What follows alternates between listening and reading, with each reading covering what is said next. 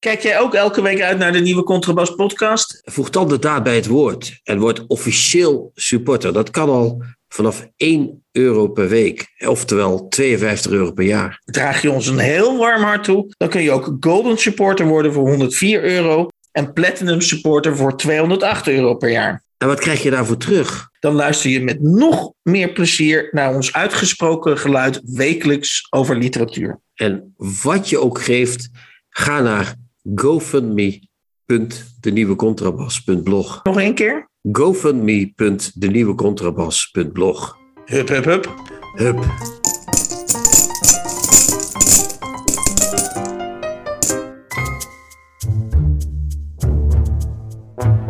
De nieuwe Contrabas. Podcast. Over hedendaagse literatuur en de wereld daaromheen. Met Chrétien Breukers, een elitaire Limburger. En Hans van Willigenburg, zomaar een Zuid-Hollander.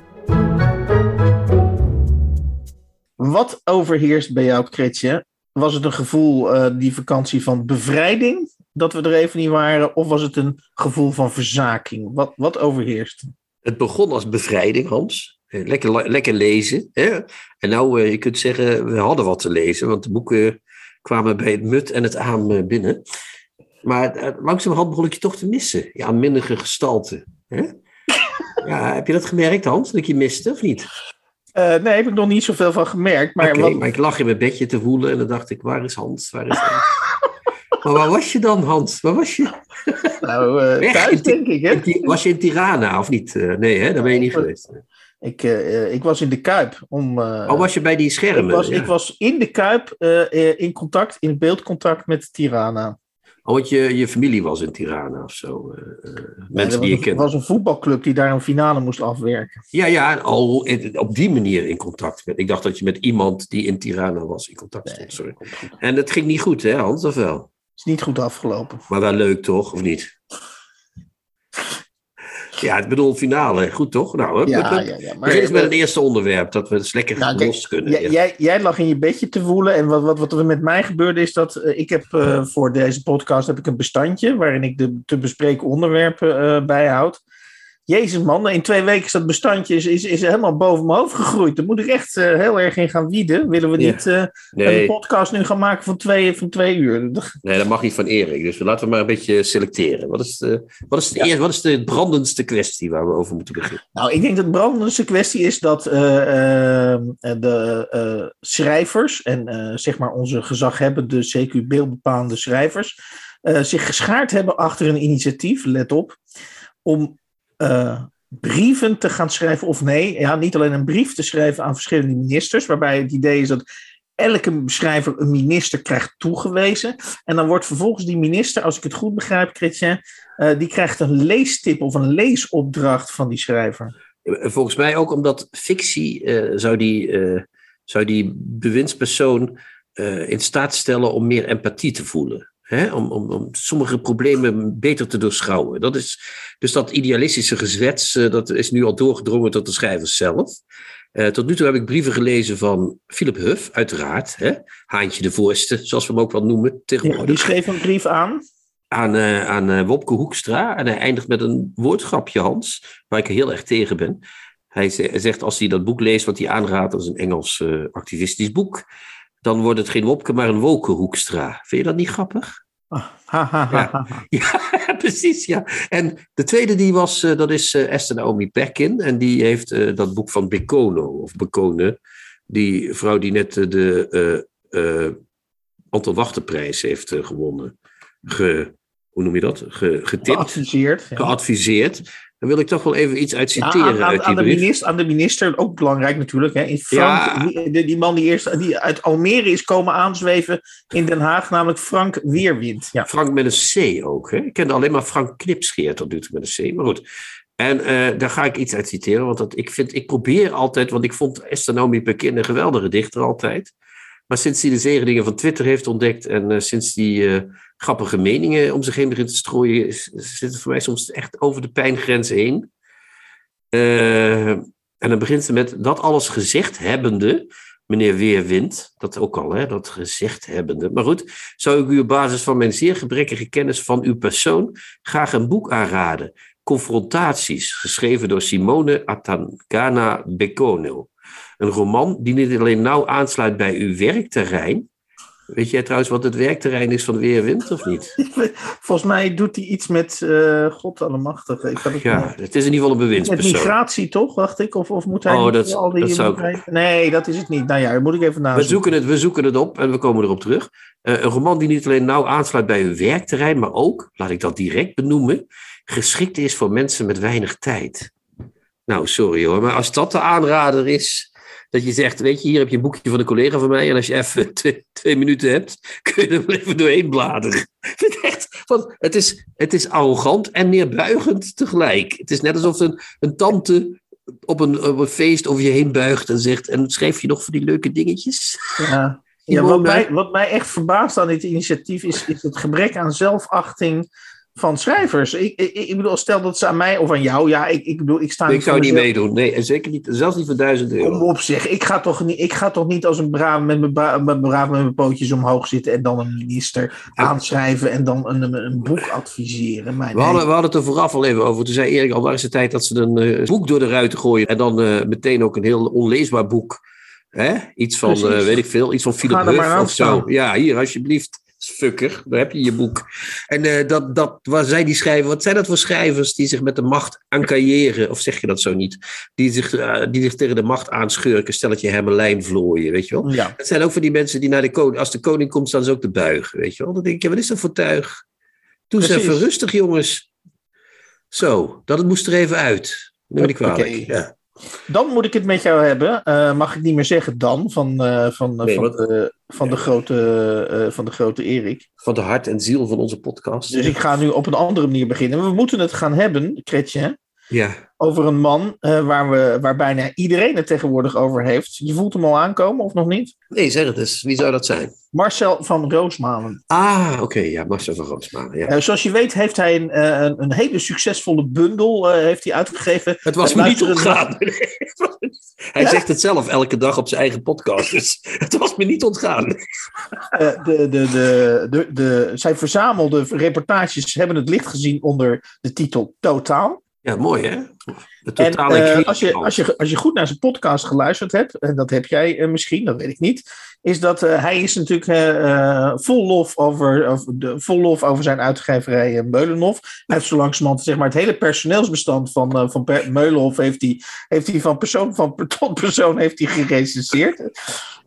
maar toen kwam het interessante moment, want hij, heeft, hij zei natuurlijk dat Meulenhof is een gerespecteerd uitgevershuis. Dus zeg maar, alle, alle, alle diensten en, en, en, en, en schakels die je bij een uitgeverij verwacht, daar beschikt Meulenhof over. Dus, en dat weten wij natuurlijk van, uh, kom, hoe heet die Amerikaanse dichteres ook alweer? Uh, die vrouw die, uh, die bij de inauguratie van Biden, Amanda Gorman. Sorry. Och, jezus, was ik helemaal vergeten. Ja, ja je hebt gelijk. Ja. En die is ook uitgegeven bij Meulenhof. Dus Meulenhof loopt voorop uh, met de sensitivity readers. En nou was dus het, het grappige dat Van Roosmalen zei dat, dat hij die hele bundel van 800 pagina's met reportages van zijn hand, dat hij dus door een, een team van sensitivity readers, wat dus eigenlijk, waarmee hij dus eigenlijk zegt, nou dat is bij een groot boek al een soort standaardprocedures. Dus mochten wij er nog ideologische bezwaren tegen hebben, uh, Chrétien, dat is een gepasseerd station, grote uitgevershuizen hebben sensitivity readers.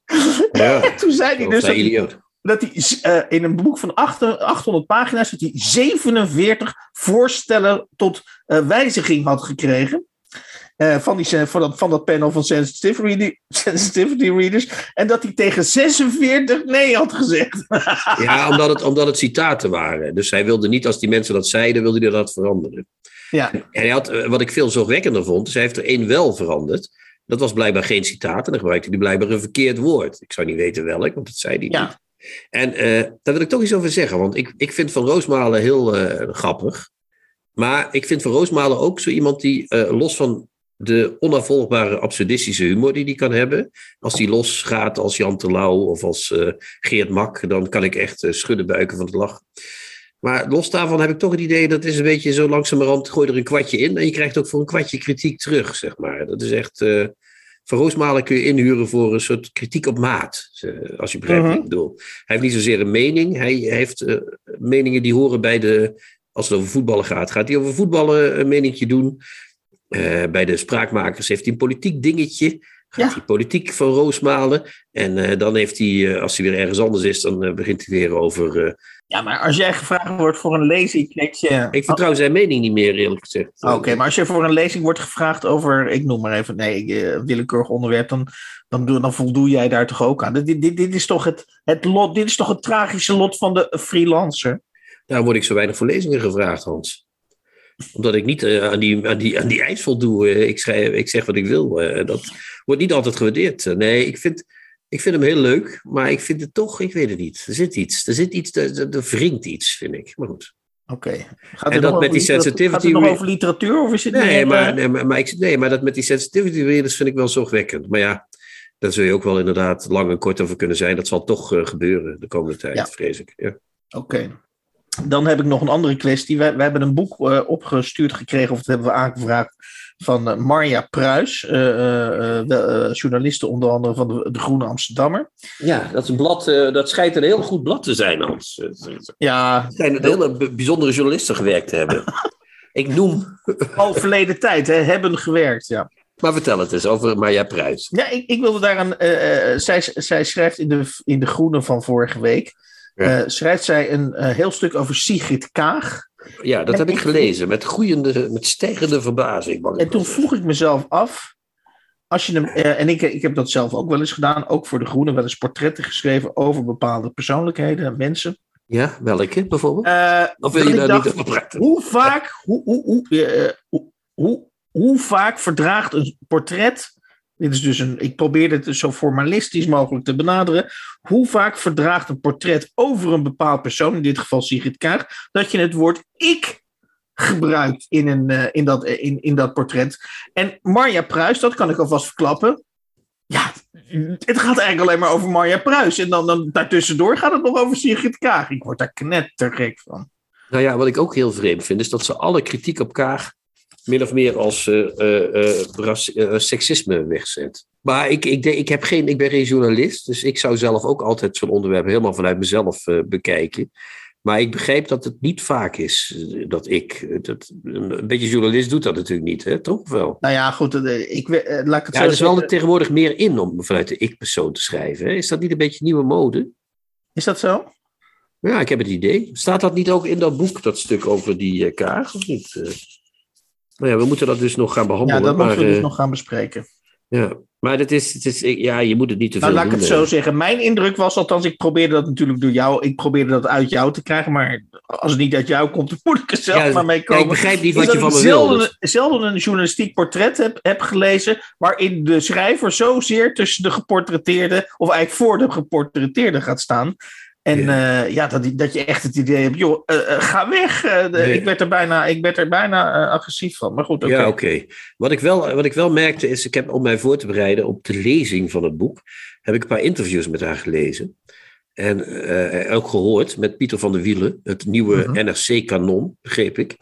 Ja. Eh, die gaat van de VPRO naar de NRC. Dat is toch ook vreemd, hè? Maar goed. Eh, maar die, eh, daar was ze bij. En ehm, daar merkte ik iemand op die, nou ja, laten we zeggen, inderdaad van zichzelf, on- ondanks het feit dat ze steeds maar benadrukt dat ze een onopmerkelijk leven heeft, toch van zichzelf behoorlijk eh, redelijk vervuld is, eh, zal ik maar zeggen.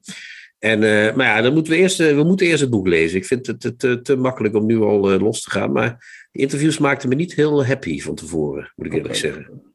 Nog twee laatste onderwerpen. Eerst, om, het eerste, om te beginnen, wij hebben een vorige week, of twee weken geleden dus, in de vorige aflevering, waren we laaiend enthousiast, en dat zijn we denk ik nog steeds, over passagiers, achterblijvers, de nieuwe verhalenbundel van Thomas Heerma van Vos.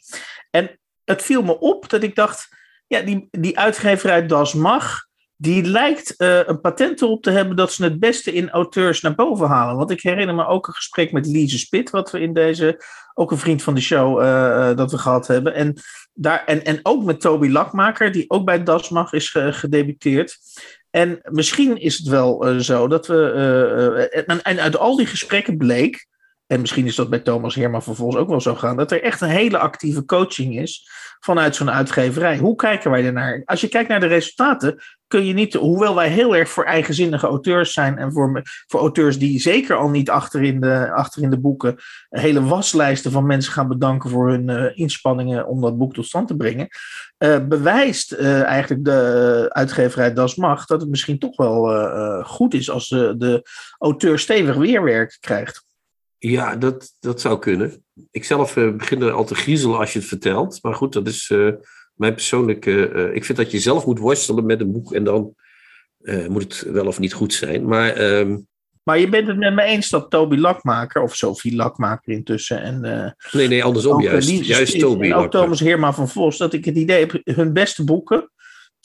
of oké, je kunt zeggen dat het een is een debuut, dus dat kunnen we niet vergelijken. Maar dat er wel heel, dat er dat, er, dat die uitgeverij um, meer dan andere uitgeverijen het beste naar boven haalt in auteurs. Het zou kunnen, het zou kunnen. Een goede redacteur betekent wel iets. Ik denk dat, wat had uh, Toby Lakmaker heeft als redacteur? Uh, dat was die dochter van uh, Theodor Holman, toch? Oh ja, de, de, Holman, ja. Nou, die, die waren zelfs samen in de podcast. Dus die wilden ook echt bij elkaar dat zijn. Ja. Dus dat zal, zal een hele goede samenwerking zijn. Ik heb met een aantal redacteuren ook heel goed samengewerkt. Dus dat kan heel goed hoor dat mensen zo eventjes een duwtje geven van dit stukje gaat, als je dat zo'n beetje uitwerkt, wordt dat beter. En in het begin als auteur zeg je dan uh, meestal van uh, wat een ellende. Maar eigenlijk uiteindelijk komt het er altijd op neer dat het toch wel het boek beter maakt, zeg maar. Ja, ja dus, dat dus ik denk dat, misschien hebben ze bij Das Mag wel de beste redacteuren, wie zal het zeggen? Ik weet het ja, niet. Eh. Dus dat pleit eigenlijk voor een, voor een vrij pragmatische omgang met, uh, en daar ben ik eigenlijk wel voor, een vrij pragmatische uh, visie op, op literatuur. ja, want het is wel... Leuk dat jij dit belangrijk vindt, of leuk dat het jouw darling is, maar het lezerspubliek, voor het grote lezerspubliek is misschien minder interessant. Wat inderdaad misschien vloek in de kerk is bij nee, jou. Nee, maar... nee, nee, nee, nee, nee, nee. Iemand moet het kunnen lezen. Dat ben ik helemaal met je eens. Ja. Ja, ja, natuurlijk. Ja. Nee, dat, dat, het is kunst, maar het is ook een uh, product. Dus je moet ook een mooi, uh, een mooi product leveren. Ja, ah, ik ben het met je eens. Ja. Jij, jij beheerst de polderredenering wel degelijk ook. Wat heel fijn ik, ik, ik, kan het, Hans. Ik leer het van jou. Alles. Dan tot slot uh, een nieuwtje, mag ik bijna wel zeggen. ik, ik, ik, krijg er, ik ga er, mijn, vinger, mijn vingertoppen gaan er al bijna meteen van tintelen. namelijk dat de Tommy uh, terugkeert. Nou ja, we gaan dadelijk even Tommy doen. Tommy is uh, ineens onderdeel geworden van een podcast van, van Eus, van Uxian Akjol. maar die, die podcast heet Eus Boekenclub. En er waren tot 20 mei allemaal nieuwe afleveringen. En nu zie ik er geen nieuwe deze week, jammer genoeg. Misschien hebben ze het te druk. Maar die begint met een telefoongesprek. Elke podcast van Eus begint met een telefoongesprek met Tommy. En dat is echt hallucinant. Hans. Maar dat zullen we zo meteen zien. Dat is echt fantastisch. Dan, krijgt, dan gaat hij de grote Tommy opbellen. Dan schiet Eus helemaal in de vaseline stand. Ah, het is echt heerlijk. Maar goed, dat gaan we dadelijk beluisteren. Tips van de week. Boeken, artikelen of pamfletten die boven het maaiveld uitsteken.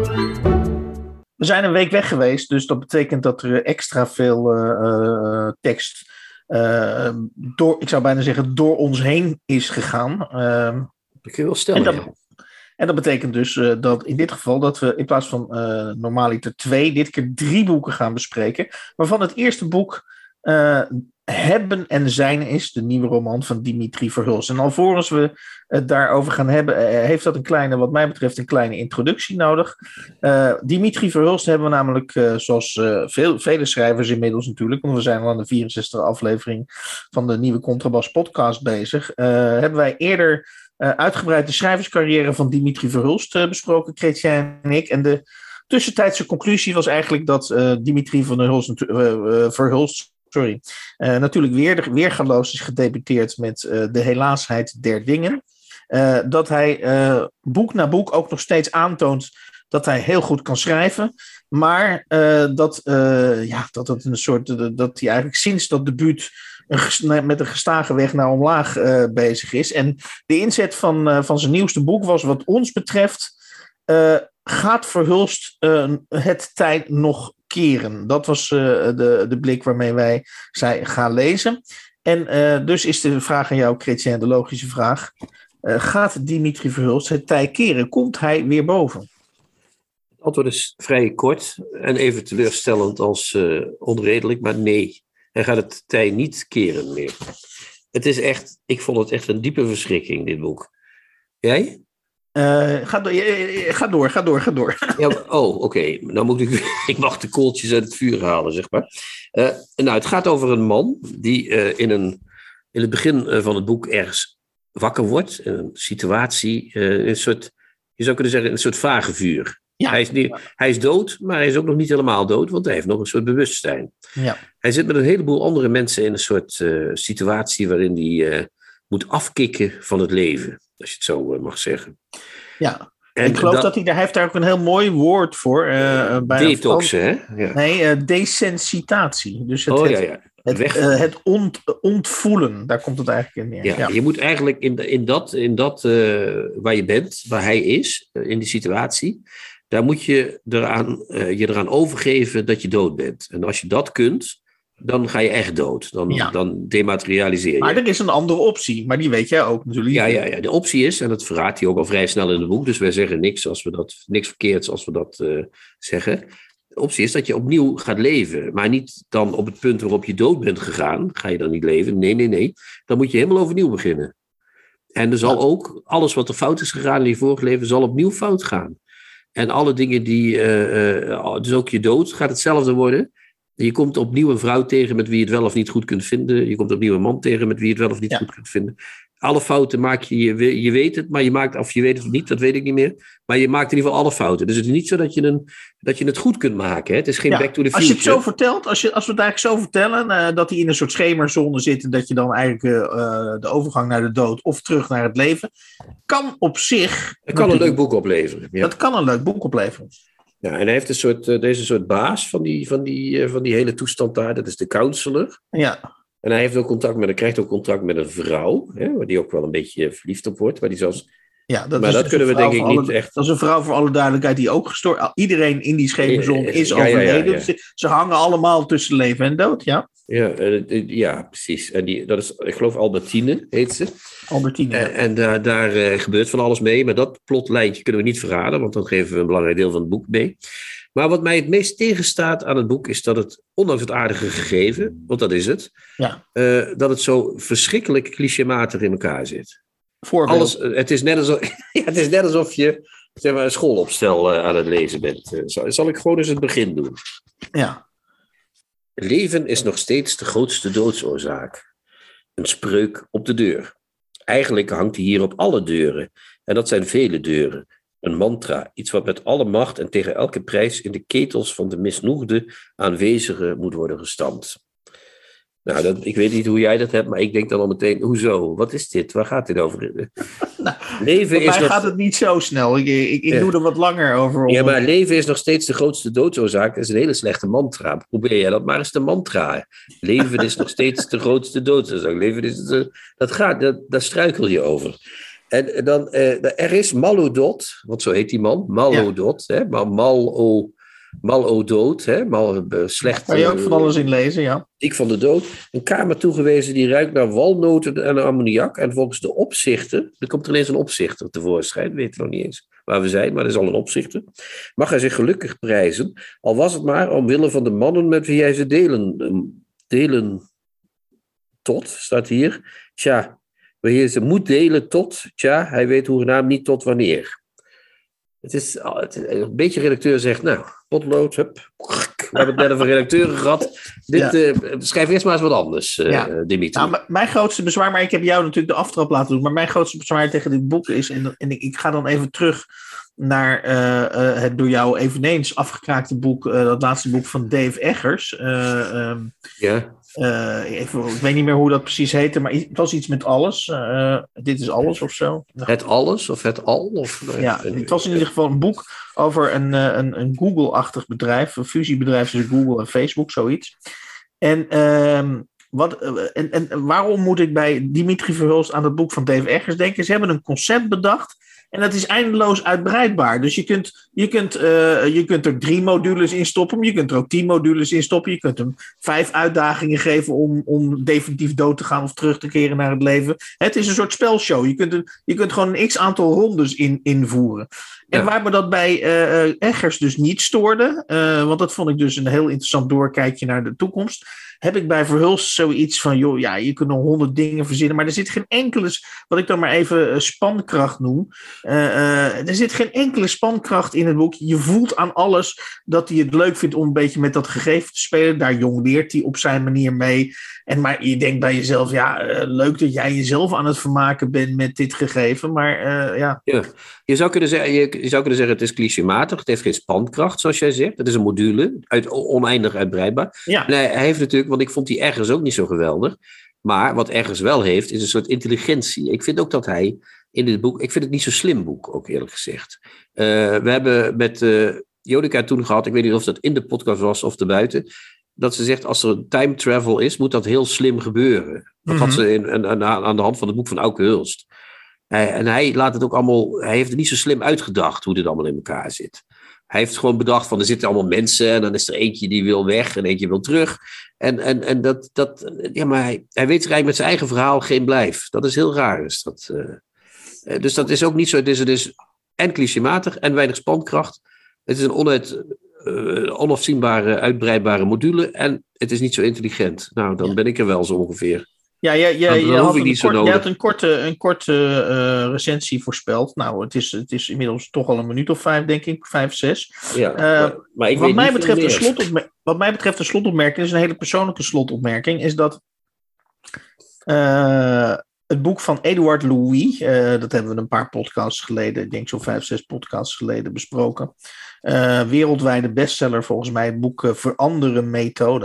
Ja. Eh, ik merk bij mezelf, en dat is een vind ik dus een ongelooflijk, maar dat, dat, is echt een hele persoonlijke observatie van mezelf. Eh, ik merk bij mezelf dat dat boek eh, steeds in mijn achterhoofd zit als ik weer een nieuw boek begin te lezen. Want dat boek heeft zo'n enorme vaart, heeft zo'n enorme noodzaak, heeft zo'n enorme. Er zit zo'n kracht achter. Van, je hebt het idee, nou, dit moest eruit op deze manier.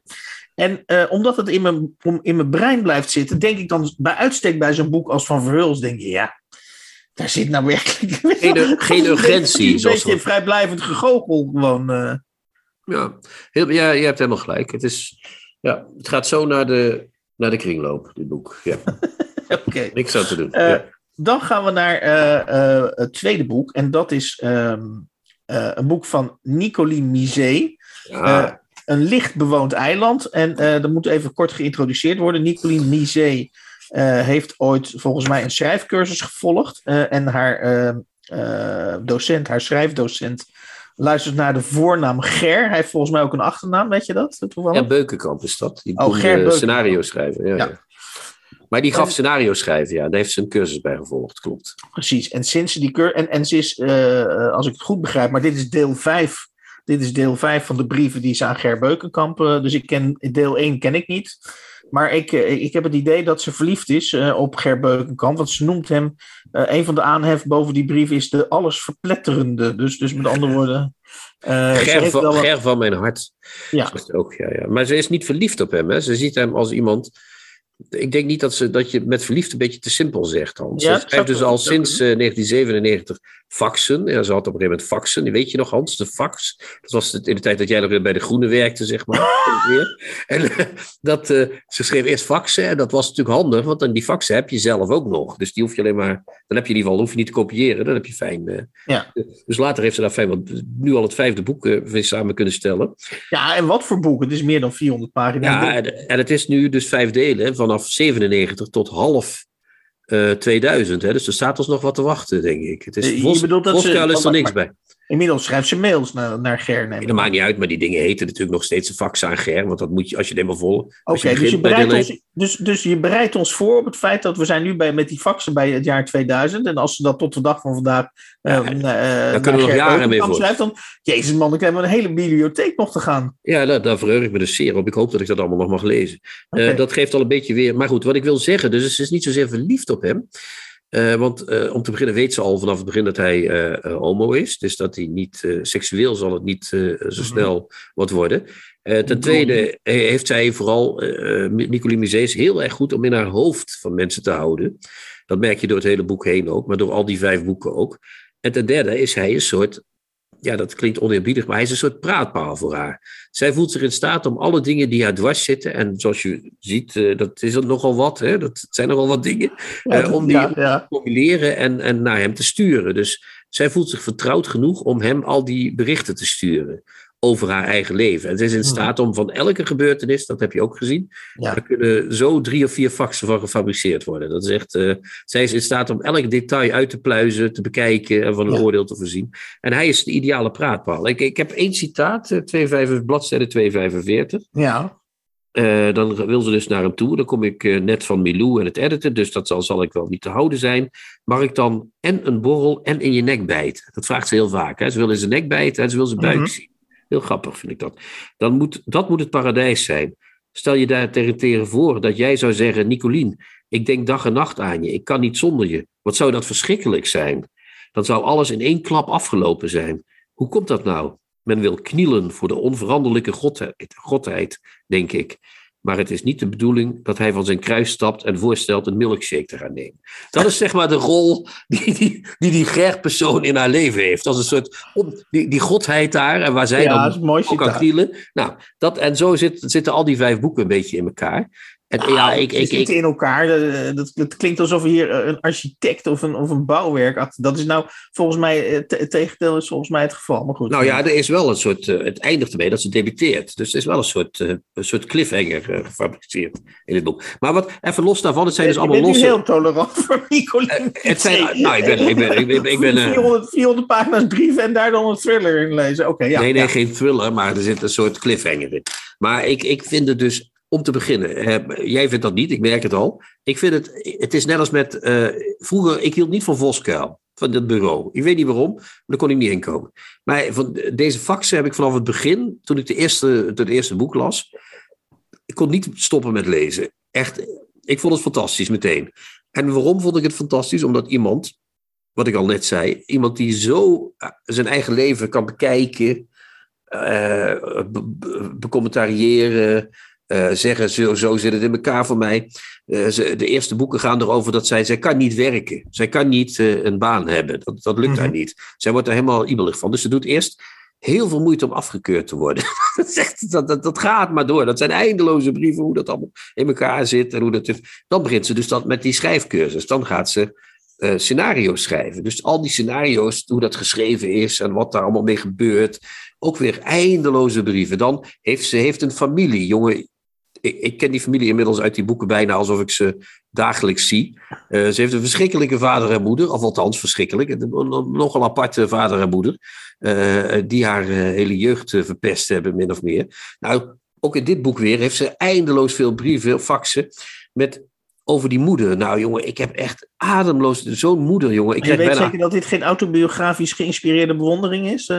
Nou ja, ik heb, ja, dat ligt eraan hoe je het bekijkt. Mijn moeder, daar zou ik ook hele faxen over kunnen fabriceren. Maar dat wacht ik nog even mee. Maar die, die, die, ja, natuurlijk is dat autobiografisch ge, ge, gestuurde bewondering. Maar, maar ik, kan, ik, kan, ik, kan van, ik, kan geen, ik wil geen detail overslaan, zeg maar. Ik heb ook geen enkele aanvechting om Nicoline Musée te leren kennen. Maar ik, die boeken, ik, ik zou echt... Ik zou daar echt... Daar kan ik nog twintig jaar mee voort. Ik hoop echt dat ik dat nog mag meemaken. Oké, oké, oké. Nou jij, Hans. Wat had nou, jij ik, allemaal nou, ik, ja, nou ga ik. Nou, ik heb, uh, zoals jij worstelt met het schrijven van boeken. En, en ook vindt, geloof ik, dat schrijvers behoren, dat heb je net gezegd, ook behoren te worstelen met het schrijven. Nou, dat doet zij ook, toch? Dat kun je niet uh, zeggen. In dit geval heb ik geworsteld, Kretje. Ik worstel ook af en toe. Uh, maar ik, ik gooi dat niet allemaal in de openbaarheid, maar in dit geval dus wel. Uh, ik worstel met het oordeel over dit boek, want ik heb een heel tweeslachtig gevoel daarover.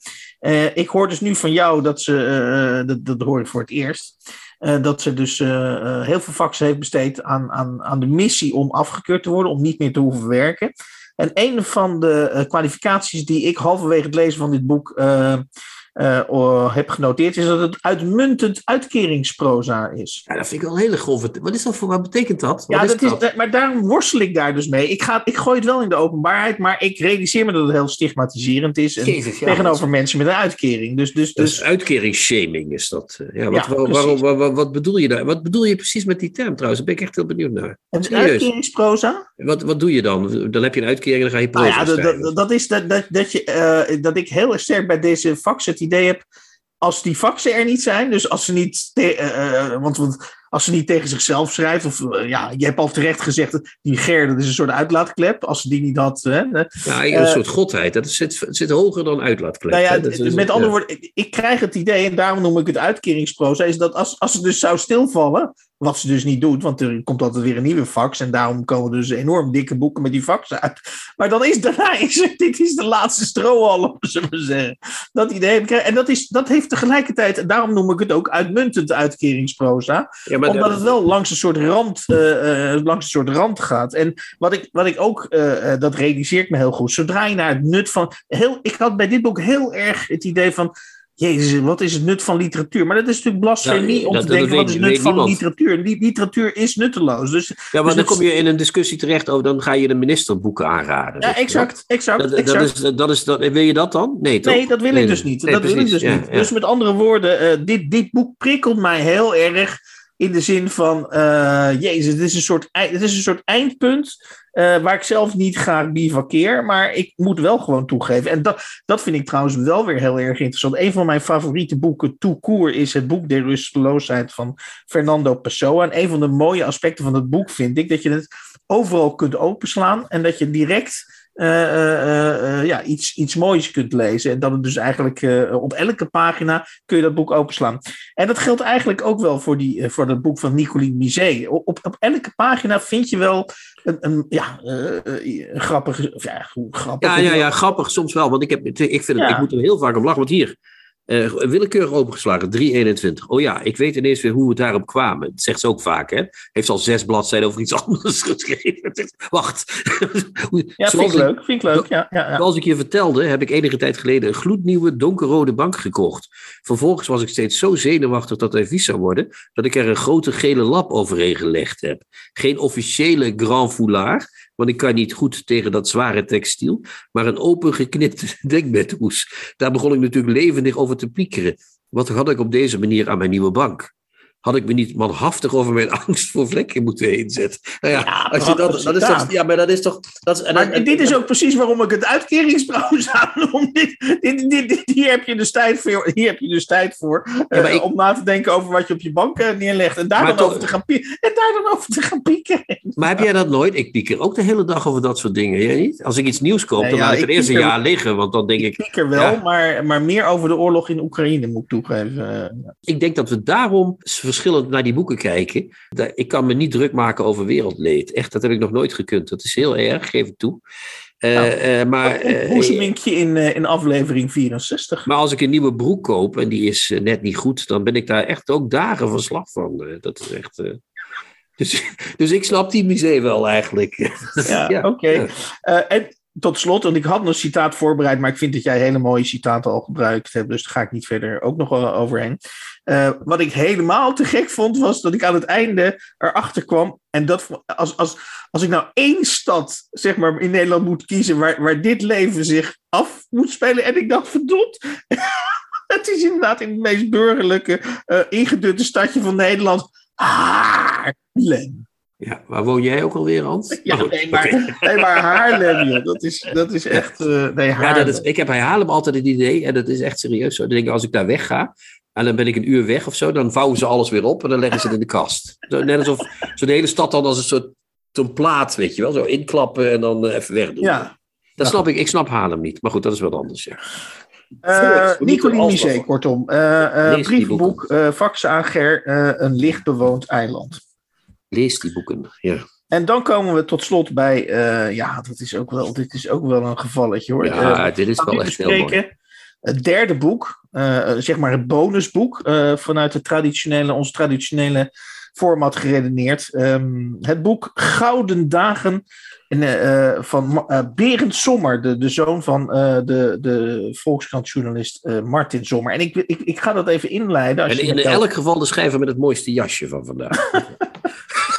Hij ziet er Ehm, keurig uit. Ja, ik ga dat even inleiden, omdat ehm, om twee redenen. Om te beginnen moet ik toegeven dat ik dat Eusjan Akjol, eh, eh, daar kun je van alles van vinden. Maar hij doet een aantal dingen, dat hebben wij ook eh, in, in de podcast moeten toegeven. Een aantal dingen doet hij niet onaardig. Laten we het, laten we het zo maar eens even zeggen. Dus eh, eh, vooraan op dit boek, uh, dus meestal staat zo'n citaat van een collega-schrijver achter op het boek, maar nu dachten ze waarschijnlijk, waarschijnlijk om, omdat, ze, omdat ze vermoeden dat het boek misschien zichzelf niet zou verkopen, uh, of niet snel zou verkopen, hebben ze, hebben ze het citaat, of de blurb heet dat geloof ik, uh, hebben ze nu voor op het boek gezet. En ik, zal, ik ga die blurb even voorlezen. Gouden Dagen is een weergaloos boek. In een fantastische stijl ontleed de schrijver de menselijke tekortkomingen. Deze roman begrijpt je meteen vanaf de eerste pagina en laat je daarna niet meer los. Berend Sommer is, er een van de is een van de belangrijkste auteurs van zijn generatie, Eugène Akjol. Ja, dat is toch prachtig. Hè? Het zal maar je gezegd worden. Nou ben ik natuurlijk op mijn hoede, want ik ben niet naïef. Ik ben, uh, uh, de kans is groot dat Eusjan dit gedaan heeft. Niet alleen voor Berend Sommer, maar ook voor zijn goede vriend Mai Spijkers, die dit boek heeft uitgegeven. Um, maar als ik het, nu, het boek gelezen heb, denk ik van... Kijk, vergeet niet, Eusjan Akjol heeft natuurlijk Levi Weemoed. Heeft hij natuurlijk op een, heel, wel misschien zelfs op een weergaloze wijze... heeft hij die geherintroduceerd in in de Nederlandse ja, literatuur. Totale, dat is nou papierverspilling geweest. Echt volledig. Nou ja, in ieder geval, uh, dat heeft hij. Dat, dat, dat, en, en daarna heeft hij dat nog een keer gedaan met een Rotterdamse schrijver. Ik ben even zijn naam kwijt. Ja, die man die in de gevangenis had gezeten, toch? Ja, precies. En, en, en toen, toen werd het al minder. Maar ja, met, met, met, met zo'n aanprijzing heeft Eugène Akjol wel uh, heel veel van zijn krediet als, als, uh, als literatuurpromotor, wat mij betreft, uh, verspeeld. Ja, als hij ook altijd zo tegen die wereldjes is, dan, dan is dit toch ook een gevalletje uh, vaseline. Hè? Ja. In, mijn, mijn lippen branden van, om, om, om van wal te steken, maar ik heb al veel gezegd. Ga jij eens beginnen over Gouden Dagen van Berend Sommer. Nou, het, eerste, het enige goede wat ik over dit boek kan zeggen, is dat het een vlotte stijl heeft. Het is geen weergaloze stijl, zoals Eus zegt maar een vlotte stijl. In die zin, je schiet er doorheen. Dat is maar goed ook, want het verhaal stelt helemaal niets voor. Uh, het verhaal gaat over, uh, uh, als ik het zo mag samenvallen, vatten, over de gouden dagen van een groepje mensen die met elkaar gestudeerd hebben en die een soort eetclubje hebben. De ja. belangrijkste mensen daarvan zijn Wanda en Philip, Philip Hoekstra. Wanda is een soort... ja, kortweg Phil. Phil, ja. Wanda Waldek, Hè? Ja. Wat Walder Waldeck ook alweer doet, dat ben ik even kwijt. Die, ja. uh, nou, die doet ook iets. Die mensen doen allemaal iets. Ja, ze pro Wanda, die promoveert. Hè? Die is met oh ja, die is, die is in de wetenschap gegaan. Verdomd, ja. als het niet waar is. Ja. Die is bezig en, aan een briljant, uh, briljant promo promotie. Uh, ja, en die Philip Hoekstra, die is schrijver. En die gaat bij de correspondent werken. Bij de corrie, zoals dat in het boek Ja, en er wordt, ook, dat, dat is een van de... Sorry dat ik je onderbreek, maar dit is een van de vreselijke dingen van dit boek. Is dat alles en iedereen wordt benoemd. Het heeft een heel naturalistische stijl. Met andere woorden, Matthijs van Nieuwkerk uh, en, en, en de wereld draait door. Dat wordt allemaal benoemd, uh, inderdaad. Ja. Zodat we en niet in verwarring raken waar, waar, en wanneer dit speelt. Ja. Die Philip Hoekstra die heeft één boek geschreven. Dat heet Onmacht met een uitroepteken. En dat is een heel goed boek. Of in ieder geval een boek wat aanslaat. Die komt dan bij de Corrie terecht. En uh, de, de, hele tijd wordt ook Nelke Noordervliet genoemd op een of andere ja. manier. Die, oh ja, Nelke Noordervliet. Dat is blijkbaar een soort cultureel icoon of zo. Is me nog nooit opgevallen dat hij dat was. Maar goed. Anyway, dat is het eerste deel van het verhaal. Waarin we, uh, waarin we de, te weten komen dat er een bepaalde wetenschapper is uit Leiden. Waar die uh, Wanda bij promoveert. Die ja. raakt kwijt. En die Althans, is die, die is verdwenen. Ja. We weten niet waar die is. We komen er ook niet achter. Zij breekt in in het huis. Bla bla bla bla bla. Dan krijgen we in deel 2 uh, een soort knip. En daar komen we ineens bij uh, Gogol uit. Uh, Gabriel Gogol. Een soort Michael Zeeman-achtige figuur. Ja. Die uit Berlijn komt en dan, dan naar Amsterdam gaat. Want heeft hij alle literaire activiteiten. En die wordt dan aangereden door Wanda, die net de auto. Die net dat is zo mooi, wordt aangereden, ja. Ja, ja, ja. Door Wanda, die net de auto van die, prom, van die promotor van haar heeft gejat bij het huis waar ze had Ja, heel toevallig. Ja. En dat vind ik al, dat is natuurlijk een boek, hè? alles kan in een boek. Maar het leuke is, van jouw samenvatting is net zo onevenwichtig en, en, en waar als het boek zelf. Ja, maar meer is er niet van te maken. Nou, en die Wanda en die, en die, en die Gogol en die Gabriel, die gaan dan op een soort roadtrip, komen dan in. Uh, uh, in een, een, een, vaag land ergens, uh, gaan nog met elkaar naar bed. En, ja. en aan het eind is, uh, is die promotor, uh, die, daar moet ik ook de naam natuurlijk even van noemen, Hans, Hans van Bruggen, de grootste naam van de Ja, wereld, Hans Verbrugge, ja. is dood. En, en, en, en Wanda is eh, half verkracht door die eh, figuur, door die zeeman. Want dat is dan ook nog weer een... eh, Ja, eh, in het boek luistert naar de naam Gabriel Gogol. Ja. ja, maar dat is natuurlijk omdat die zeeman ook altijd beschuldigd Sorry, werd eh, van dat soort dingen. Gogol of Gogol. Gogol, dus niet Gogol, maar Nee, Gogol. sorry. Want, eh, want Sommer is wel een grapjesman, hè? dat wel. Het is wel echt van de, van de flauwe grapjes. Is die. Anyway, en dat is het boek. En dan heb je het uit en dan denk je, nou, ik heb hier echt eh, zitten kijken naar een... eh, het is alsof je naar een Netflix-serie, maar dan een hele slechte Netflix-serie hebt gekeken. Nou ja, ik, ik, ik, ik las het. Ik heb een paar ehm, typeringen heb ik opgeschreven. Om te beginnen, lees het. Had ik echt vanaf zin 1, had ik, of, of eigenlijk na één of twee pagina's, dacht ik. Deze jongen heeft, het lijkt het of, of hij een opdracht van een glossy heeft eh, geschreven met, eh, met een hoofdredacteur. Heeft gezegd, nou, schrijf maar eens iets over deze generatie. eh, en een beetje vlotjes. Maar hij schrijft, ik vind niet dat hij over deze generatie schrijft. Hij, Nee, ik, ik dat- dat helemaal, want er staat er achterop ook, is een onthutsende roman. Nou, dat viel ook wel mee dus. dat Over, maar er staat over controleverlies, illusies en onthechting.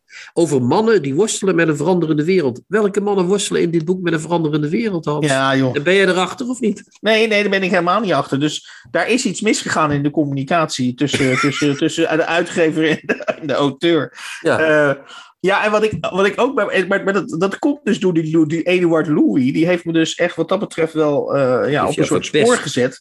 Eh, want ook in dit boek zie je hoe de auteur zijn eigen boek vult. Dus op een gegeven moment dan, dan verplaatst de, de scenery zich naar Leiden, naar, naar de Universiteit van Leiden. En dan krijg je een hele exposé van vijf à tien pagina's Ja. over hoe het, hoe het korpsleven in elkaar zit. En over, Ja. dat ik denk, ja, leuk dat je dat allemaal weet. Leuk dat je dat hebt opgezocht. Maar, maar wat voegt het toe aan het verhaal, weet je wel? Daarom heeft hij ook En, en dat gaat dus zo ver, ik weet niet of je dat nog herinnert, maar dat vond ik dus echt waanzinnig. Dat ik echt dacht van, hier heeft echt niemand meer naar gekeken. Dat was dat hij op een gegeven moment in de kantine van de Leidse Universiteit, dat hij de prijs, misschien is dat een grap hoor, maar dat hij de prijs van de consumptie zo tussen of tussen haakjes de prijs van Ja, de ik denk, consumptie nou, dat is bedoeld, ik denk dat dat bedoeld is als grapje. Of misschien Ja, is dat, dat- in Leiden wel Ja. leuk. Dat zou best, we zouden het Marika's kunnen vragen. Of dat misschien Leidse humor is. We weten het niet. Maar eh, nou ja, het is, en, eh, de, de stijl, de stijl, die verbluffende stijl waar Eus zo, eh, zo Ja, Eus in zijn Deventer bedje ook van wakker ligt. Van die, van die stijl. Zal ik een klein dingetje doen voordat ja we... doe maar. Nee, nee. Ik denk dat je ook naar de wel, eh, wel boter bij de vis wil. Ja. Ja, zo. Dan gaat ze dus naar die Philip en dan gaan ze drugs, drugs, drugs bedoel ik, sorry. Wat moest ik ook alweer zeggen? Dan gaan ze verdovende drugsmiddelen gaan ze dan gebruiken. En dan, dan, dan is, ze daarna, eh, is ze daar een beetje van bijgekomen en dan zegt, ze, de, dan zegt de auteur, de aanvankelijke roes en lichtheid en euforie waren helemaal uit haar lichaam verdwenen. Ze probeerde zich schuldig te voelen, maar dat lukte niet, want ze wist niet waarvoor ze zich schuldig zou moeten voelen. Ik, is dat wel goed waarvoor ze zich... Maar goed. Ze wist dat ze vandaag voor het laatst drugs had, drugs had genomen. Het had haar niet opgeleverd waar ze op had gehoopt. Ze zou altijd voor zekerheid kiezen. Ze zou nooit meer in staat zijn om buiten de uitgestippelde route te treden. Ze zou na haar proefschrift een postdoc doen, docent worden, misschien naar een andere universiteit, een ander land. Maar ook dat zou niets veranderen. Dat zal dat controleverlies wel zijn, Hans. Maar hoe krijg je het uit je pen om zoiets dat je denkt dat je niet als je het zelf intikt al denkt, nou sorry hoor, daar kan ik de lezer toch echt niet meer op zadelen. Dit, Ja, maar Dit- spreek je jezelf niet een klein beetje tegen? Want helemaal aan het begin zei je dat, je dat hij wel een vlotte stijl had. eh. ja, het is vlot, ja dat klopt, het is ook vlot, maar er staat niks in. Het is net Nee. alsof, alsof iemand wol- wol- wol- wol- heel snel tegen je staat te praten zonder dat je weet wat, waar het over gaat. Het is, echt, het is, het is ook een beetje korpsballenproza. Hè? Het is een beetje zo Ja. van, de, van de lullo's van, ik eh, wist meteen toen ik haar zag dat ik haar zou neuken. Weet je nog, die, die Herman Koch, eh, die, dat zo prachtig. Dat ik haar zou neuken stond vast. Zoiets was het. Ja. Ja, Anyway, de- dus eh, het is korpsballenproza, ja. Ja, het is ja dus ik, ik heb het, het, leest eh, het als een zedenschets, een, een, een, een, avonturenroman en een sociale satire. En het komt in geen van die gedaantes ook maar enigszins uit de verf. Tommy. Chrétien reageert op de nieuwste schrijfsels van succesauteur Tommy Wieringa. Het grote moment is aangebroken dat we eh, de Tommy, eh, zeer populaire rubriek in, eh, in onze podcast, gaan herintroduceren. En dat heeft als reden dat ja, Tommy is in zekere zin weer opgedoken. Niet alleen als romanschrijver door met een nieuwe roman te komen. Dat heeft Tommy ook helemaal niet nodig. Tommy kan ook zonder romans. Tommy voert ehm, eh, op dit moment gesprekken in een concurrerende podcast. Hoewel, concurrerend. Eh, dat is de, de podcast Eus Boekenclub. En uh, in die podcast, uh, Chrétien, uh, gaan de, de, de twee topschrijvers gaan met elkaar. In, elk, elke aflevering van Eus Boekenclub gaan deze twee topschrijvers met elkaar in gesprek. Ja. En dat levert de volgende, dat leverde in een recente podcast de vol, het volgende gesprek op. Heb jij dan niet hetzelfde als ik? Altijd als ik in het buitenland ben, het maakt niet uit wat voor buitenland het is. Maar ik zal even wat landen noemen waar ik recent ben geweest, tenminste voor corona. Uh, Iran, uh, Rusland, Turkije. Maar dan, dan denk ik altijd, in wat voor raar speelgoedland leven wij eigenlijk daar in Nederland? Dat is zo. En dat... de, schok van het terugkomen, de schok van het terugkomen is ook altijd groter dan de schok van het verlaten. Ja, maar dan denk ik wel altijd, met, met alles wat ik doe, en dat is, dat is niet alleen het schrijven, maar ook uh, naast ja. columnistiek, of, of, of, dan denk ik al wel altijd van, ja, maar hier staat zo weinig op het spel in Nederland. En komt dat eigenlijk de literatuur wel ten goede, denk ik dan meteen erachteraan? Dat hier zo weinig op het spel staat. Nee, dat denk ik. Ik denk dat je daar een, uh, een reëel punt hebt, ja. Het is best wel een straf, vind ik, om als schrijver in Nederland geboren te zijn. Uh, ik heb hier een citaatje. Even kijken, waar heb ik het? Van Reven, die, die, die dat heel pregnant heeft verwoord. En dat gaat zo, let op. Het is een bekend citaat hoor. Mm -hmm. Als je denkt, bijvoorbeeld, schrijft hij, als je denkt aan bijvoorbeeld een klassiek thema, een meisje dat naar de grote stad trekt en daar tragisch ten onder gaat. In Frankrijk of Amerika kan dat. Zelfs in de grootste nood zou hier de heldin hoogstens een tientje hoeven te lenen om smiddags naar huis af te reizen. En zo niet voor het avondeten, dan toch voor het nieuws van 11 uur weer thuis te zijn. Een typisch A-literair land. Nou Hans, het is, uh, ja, we, ons wordt de les gelezen, Hans. Nederland krijgt nog één keer de gelegenheid om uh, niet zo klein te zijn. En dan is het afgelopen. Dan gaat Tommy weg. Dan gaat hij naar het buitenland. Denk je niet? Ja, ik denk dat we wel heel veel woningen moeten gaan af. In Groningen wordt natuurlijk nu heel veel, maar uh, uh, de, over inzakkende aarde. Uh, misschien dat hij daar ook als schrijver ook meer uitzicht door krijgt. Maar ik, ik, ik, proef hier een soort grootse, grootscheepse sloop van Nederland. dat hij daar ja. stilletjes eigenlijk een, een, een, een, sloop van Nederland voor staat. Omdat er dan, dan heeft de, de schrijver Tommy Wieringa kan dan verder kijken. Hij wil verder kijken. Ja, en hij wil ook, hij vindt ook blijkbaar dat Nederlandse schrijvers allemaal niet ver kijken, behalve als ze in het buitenland wonen. Dus wat hij nog ja. in Nederland doet, is mij een raadsel, eerlijk gezegd, uh, toch? Of niet?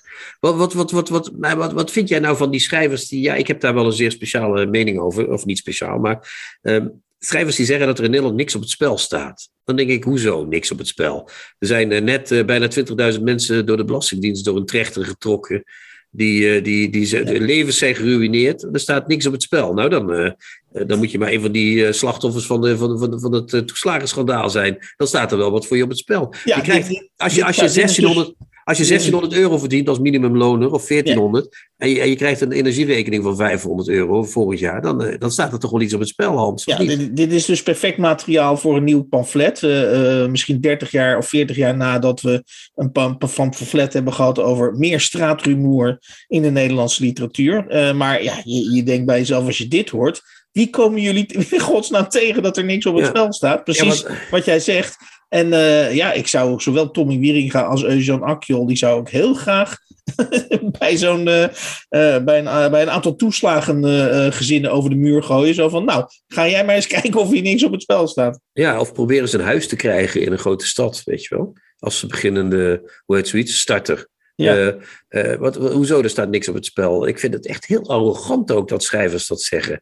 Dan denk ik, wat ben jij voor schrijver als je niet eens ziet wat er om je heen gebeurt? Hoe zou je dan in het buitenland, uh, wat zou je daar... weet Ilja Pfeiffer, omdat hij in Genua woont, weet hij beter wat hier gebeurt dan andere mensen? Nou, als je die columns leest, krijg je die indruk ook niet echt, toch? Om maar één voorbeeld te noemen. En ja. wat gaat Tommy dan doen? Dan gaat hij, dat blijkt uit die podcast ook, dan gaat hij met zijn gezin op vakantie in Tanzania denk ik, ja, daar is het personeel goedkoper, Tommy. Hè? Probeer hier maar eens iemand in dienst te nemen die, hè, voor, voor dat bedrag wat je ja, daar kwijt nou bent. Ja, als je het terugluistert, als je het in zijn geheel terug, terugluistert, we hebben nu een klein fragmentje eruit gekozen, dan zegt Tommy uh, in het niet, uitge, niet, niet geselecteerde deel van, deze, van de podcast Eus Boekenclub, dat hij eh, ja, een soort melancholie, eh, dat hij melancholiek is geworden van de, van de snelheid waarmee de tijd hier met zijn gezin verstrijkt. Weer een jaar, weer een jaar. Nou ja, dat, dat gevoel is, is wel enigszins herkenbaar. Maar dat hij dus om de tijd te vertragen. eh, hè, dus je, ziet Tommy al uit het vliegtuig ko- eh, komen in Tanzania. En dan zegt hij tegen die mensen in Tanzania: Ik vond dat het leven in Nederland te snel ging. Dus bij Ja. jullie kom ik mijn leven vertragen. Ja, jullie zijn nog arme sloebers en hebben nog niks. En eh, daar ga ik lekker tussen zitten een tijdje. En dan ga ik weer terug naar mijn drukke leven. Ja, het is toch werkelijk verschrikkelijk, Hans. Je ziet hem toch in zijn witte pak van de, van de vliegtuigtrap. Als een soort ten Hag die naar Manchester United gaat. Handjes gevend, weet je wel, aan iedereen. Dag lieve arme sloebers, daar ben ik dan. Hè, Tommy, ik kom het leven hier Ja. eens even ervaren zoals het hoort. Het links, Dit- het links levensgevoel, maar dan in jacket. Hè? Dat is Ik vind, het echt, pu- ik vind het pure D66. Ik vind het echt weerzinwekkend, vind ik het echt. Ja, want, Want, want verderop in de podcast, eh, eh, dat wil ik niet onvermeld laten. Hè, want je zou kunnen zeggen, ja, hoezo verloopt de, tra- de tijd trager in Tanzania? Eh, daar moet je toch ook, eh, hè, daar moet je ook opstaan, moet je ook ontbijten. En dan heb je ook, zegt kind- dan heb je hij- ook dan zegt kinderen. hij- Ja. En dan zegt hij, ja, eh, inderdaad, verwijzend naar, eh, naar de, de minder hoge levensstandaard, waar hij dus eigenlijk, begrijp ik, als ik me goed begrijp, waar hij dus eigenlijk van smult, is dat omdat de mensen een lagere levensstandaard hebben, moet je meer, ben je meer op elkaar aangewezen. En dat zou dan het effect hebben dat de tijd trager verloopt. Ja, maar dat is toch dat is vergelijkbaar met. Komrij schreef ooit een stuk eh, lang geleden over Emmy van Overheem. Die zei dat. Ze was een keer naar het Oostblok geweest. En ze zei: mensen hechten daar niet zo aan spullen. Nee, want er waren geen spullen namelijk. dus ja, dit is echt, dit is echt van, een, van een weerzinwekkende sentiment. Dat is echt sentimenteel. Hè? Dat is echt op het, sentimenteel op een slechte manier. Dat is van. Ach, kijk, die lieve eenvoudige mensjes daar toch eens even. Het is alsof, alsof iemand uit de grote stad naar het dorp gaat en zegt: Ach. Wat kijkt dat lieve boertje daar toch eens op zijn, op zijn perceeltje. En daar is die, wat is hij aan het doen? Oh, is een varkensstuk aan het snijden. Nou, fantastisch is dat zeg. Wat lief. En hier leven ze nog echt zoals het hoort. Het is, het is alsof die mensen... Ik heb het idee dat die mensen echt... Is toch over de 50 al, Tommy, of niet?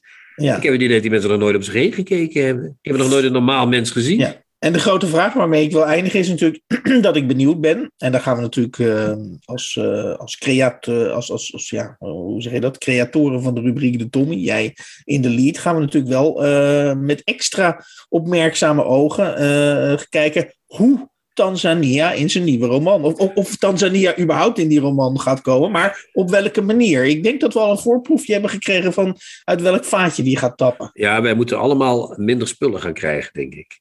Ja, dat, Want, uh... Maar behalve Tommy dan natuurlijk, maar wij wel. en wat ik, ik vind het wel heel leuk. Hè, men krijgt natuurlijk nu de indruk dat ik het heel erg vind allemaal. Het is ook heel erg.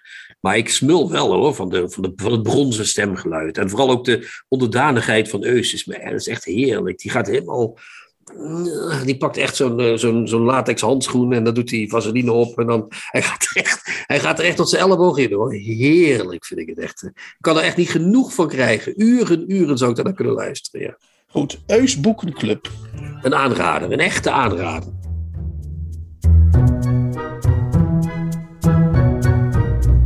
De nieuwe Contrabas. Podcast. In de 64e aflevering van de nieuwe Contrabas podcast kwamen we voorbij. Om te beginnen, Dimitri Verhulst met Hebben en Zijn. Uh, hij zat bij Pluim, maar hij is teruggekeerd op het oude nest, uh, namelijk uh, Atlas Contact. verschenen in 2022. Dan hadden we het over um, een licht bewoond eiland van Nicoline Misé. Verschenen bij uitgeverij Van Oorschot. En tot slot hadden we het over de roman Gouden Dagen van Berend Sommer, verschenen bij uitgeverij Prometheus. Chrétien, ik hoef even geen vertaler. Je, je, hoeft me niet te interrumperen, want ik, ik ben geen vertalers vergeten dit keer. Wat pak van mijn hart. Ja, dat is wel eens een keer fijn, hè? want ze willen nu al voor op de boeken, allemaal, hè? willen ze. En de volgende stap zal wel zijn dat ze een grotere letter willen dan de auteur. Dat wordt het volgende. Voorspel ik nu al. Gaat zeker gebeuren. Ja. Goed, dan verder nog een, een, een, een, een pecuniaire mededeling, namelijk dat we ik zou bijna zeggen, de magische grens van 4000 euro voorbij zijn gestoken. De teller staat momenteel op 41.078 euro. Nou, 4100 uh, vooral, ja. ja. Stond hij maar op 41.000. Oh, sorry, 41, zei ik 41.078? ja, ja, dat zou oh, fijn zijn. Dat zou heerlijk oh, okay. zijn. Als dat, ja. uh, 4178 euro. Uh, maar ja, er is altijd ruimte voor meer natuurlijk. Ook al zijn het barre tijden met de gasrekening. Ja, voor ons ook, Hans. Dus die moeten, mensen, moeten ook een beetje, mensen moeten ook een beetje aan ons denken. Hè? Toch? Al heb ik geen gas, godzijdank trouwens. Maar goed, oké. Ja. Nou, dat was het dan, geloof ik. ja, we kunnen weer eh, het eh, riedeltje aanheffen wat we altijd aanheffen als het einde daar is. Lieve, lieve luisteraars, we houden van jullie. Chin chin, ciao ciao Tjoe tjoe. en cha cha cha. Kijk jij ook elke week uit naar de nieuwe Contrabas podcast? Voeg dan de daad bij het woord en word officieel supporter. Dat kan al vanaf 1 euro per week, oftewel 52 euro per jaar. Draag je ons een heel warm hart toe, dan kun je ook Golden Supporter worden voor 104 euro en Platinum Supporter voor 208 euro per jaar. En wat krijg je daarvoor terug? Dan luister je met nog meer plezier naar ons uitgesproken geluid wekelijks over literatuur. En wat je ook geeft, ga naar gofundme.denieuwecontrabas.blog. Nog één keer? gofundme.denieuwecontrabas.blog. Hup, hup, hup. Hup.